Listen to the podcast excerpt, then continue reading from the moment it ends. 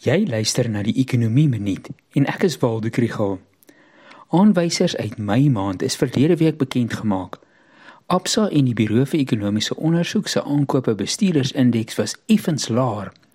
Naamsa se voertuigverkope statistiek het heelwat beter gelyk as in Mei verlede jaar. En die aandele van maatskappye wat op verbruikers gerig is, het swaar gekry op die beurs. Hierdie episode word ondersteun deur die Buro vir Ekonomiese Onderzoek in Stellenbosch en die NWI Sakeskool. Aankope bestuurdersindekse is belangrike leidende aanwysers omdat 'n maatskappy se aankope bestuurder nogals vooruit moet dink. Daar is ook 'n sterk korrelasie tussen die indeks en produksie in die vervaardigingssektor. Vir die 4de maand in 'n ry wys die indeks dat saketoestande verswak.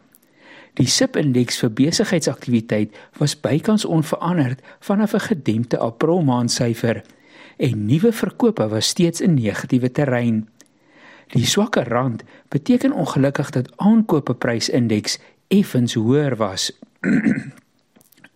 Voertuigverkope was baie beter as in Mei maand verlede jaar, maar mens moet die basis waarmee daar vergelyk word in gedagte hou. In Mei verlede jaar is verkope benadeel deur die vloedskade wat in April in KwaZulu-Natal aangerig is. Dit het produksie by Toyota se aandag in Durban en die uitvoer van voertuie geknou. Normale produksie en uitvoer laat dus die jaar-op-jaar syfer baie beter lyk, hoewel hierdie jaar se hoë inflasiekoers en hoë rentekoerse dinge moeilik maak vir verbruikers. Op die beurs was die impak van verbruikers wat swaar kry, saam met die land se elektrisiteit en vervoerprobleme sigbaar.